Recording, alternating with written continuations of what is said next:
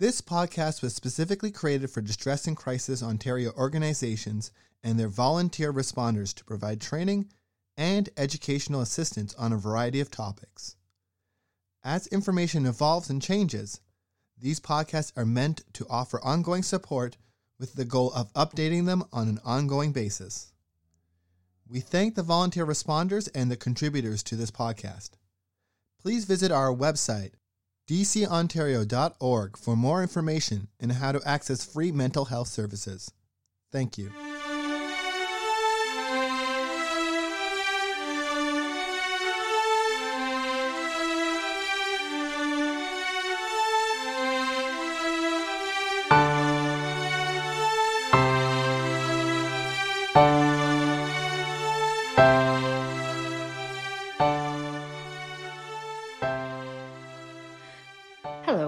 Name is Caitlin Plant, and I'm the Program Manager for Distress and Crisis Ontario. Thank you for choosing to listen to our podcast. At the beginning of the month, on October 10th, World Mental Health Day was recognized, and two weeks ago on the podcast, we covered this year's theme of Mental Health is a Universal Human Right. We specifically explored some structural factors, risks, and protective factors that interact to impact each of our mental health and well being. One of the many factors explored was that of stigma and discrimination faced by those who have mental health and substance use disorders. This week, as World Mental Health Month continues, we'll be using information from the Centre for Addiction and Mental Health to explore what stigma and discrimination are, how they directly affect persons living with mental health and substance use disorders, and how we can work to combat their effects. There are many reasons why people develop mental illness. Some are genetic or biological, some are a result of childhood trauma or overwhelming stress at work, home, or school. Some stem from environmental injustice or violence. Sometimes we simply don't know. Regardless of the reasons, these are health problems just like cancer, arthritis, or diabetes. So, why does society look at people with mental illness, including substance use disorders, differently? The answer is stigma. So, what is stigma? Prejudice combined with discrimination equals stigma. Negative attitudes or prejudice and negative responses or discrimination can make a person feel unwanted and shamed or stigmatized. Stigma can seriously affect the well being of those who experience it, affect people while they are ill, while they are in treatment, while they are healing, and even when a substance use or mental health problem is a distant memory. Stigma stops many people from seeking the treatment they need and profoundly changes how stigmatized people feel about themselves and change the way others see them. Prejudice is a negative attitude toward others based on, for example, their gender, sexual orientation, culture, race, religion, or age.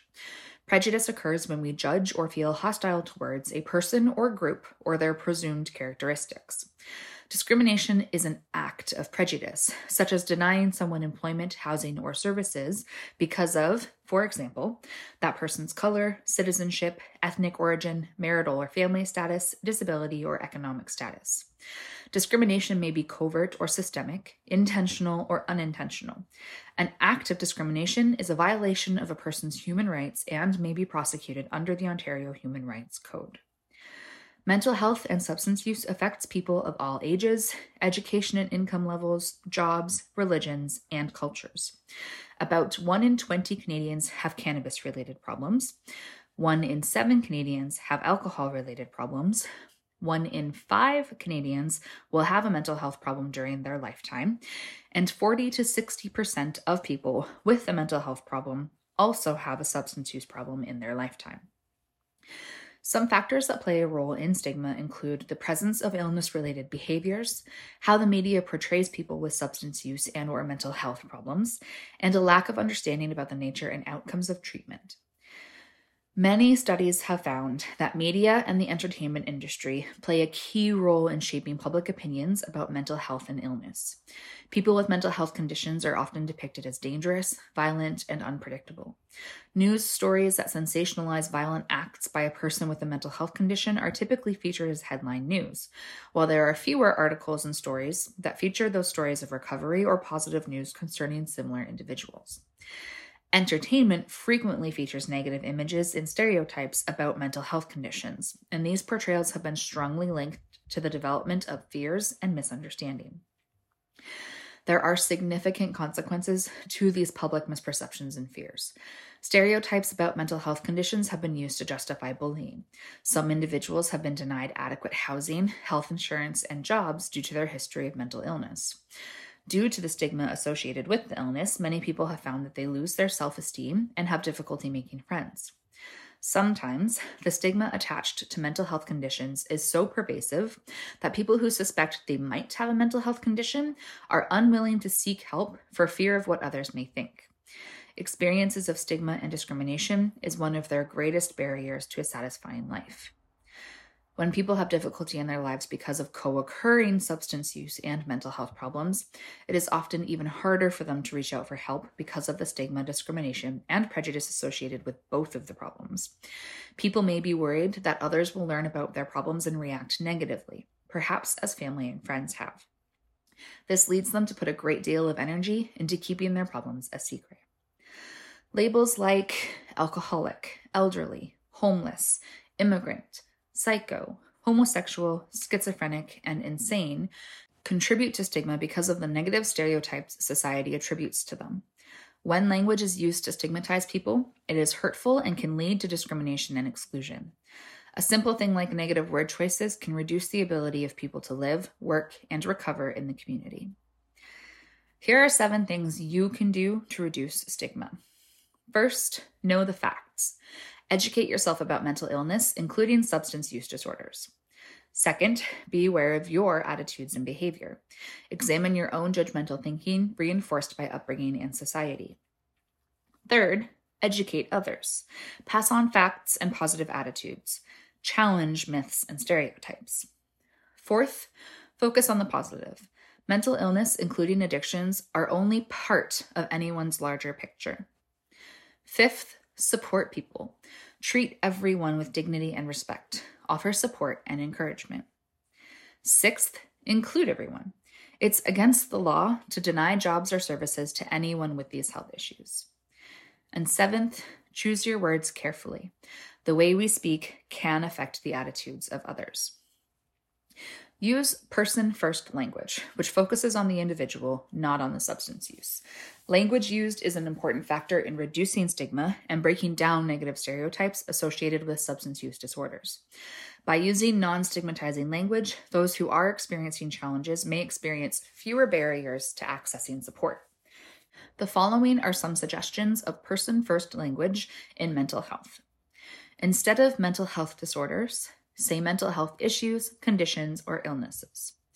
Instead of individuals struggling or suffering from or having a mental illness, mental health condition, or issue, say individuals living with mental illnesses, mental health condition, or issue.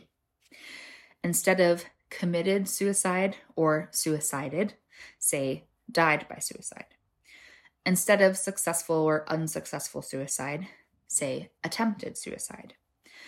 Instead of saying mental illnesses, say a mental illness or specify a specific disorder rather than generalize by using the term mental illness to capture all mental illnesses. Instead of mentally ill person or saying someone who is bipolar, say someone who has a mental illness or someone who is living with bipolar disorder. Instead of saying addict or substance user, say he she has a substance use condition or she he she has lived experience of substance use.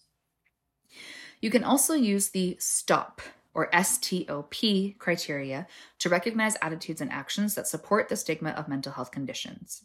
It's easy. Just ask yourself if what you are hearing or seeing s stereotypes people with mental health conditions. That is assumes they are all alike rather than individuals. T trivializes or belittles people with mental health conditions and or the condition itself. O offends people with mental health conditions by insulting them. Or P patronizes people with mental health conditions by treating them as if they are not as good as other people. If you see something in the media which does not pass the stop criteria, speak up. Call or write to the writer or publisher of the newspaper, magazine, or book, the radio, TV, or movie producer, or the advertiser who used words which add to the misunderstanding of mental illness. Help them realize how their words affect people with mental health conditions. As always, start with yourself. Be thoughtful about your own choice of words. Use accurate and sensitive words when talking about people with mental health conditions. Thank you for listening to this week's short but sweet podcast. As always, our member centers and ONTX are here to support you with any challenges you are facing or anything you need advice on. You can find your nearest center, many of whom operate 24 7, by visiting our website at www.dcontario.org forward slash locations. ONTX's online chat feature can be accessed from any page of our website by using the Looking for Support sidebar. ONTX is available from 2 p.m. to 2 a.m. Eastern Standard Time daily and can also be accessed by texting the word support to 258 258. As always, if you have any feedback on today's episode or would like to request future content, please do use the link in our show notes to fill out our feedback form. We would love to hear from you. Thank you again for listening. I hope you have a great week and join us again next time.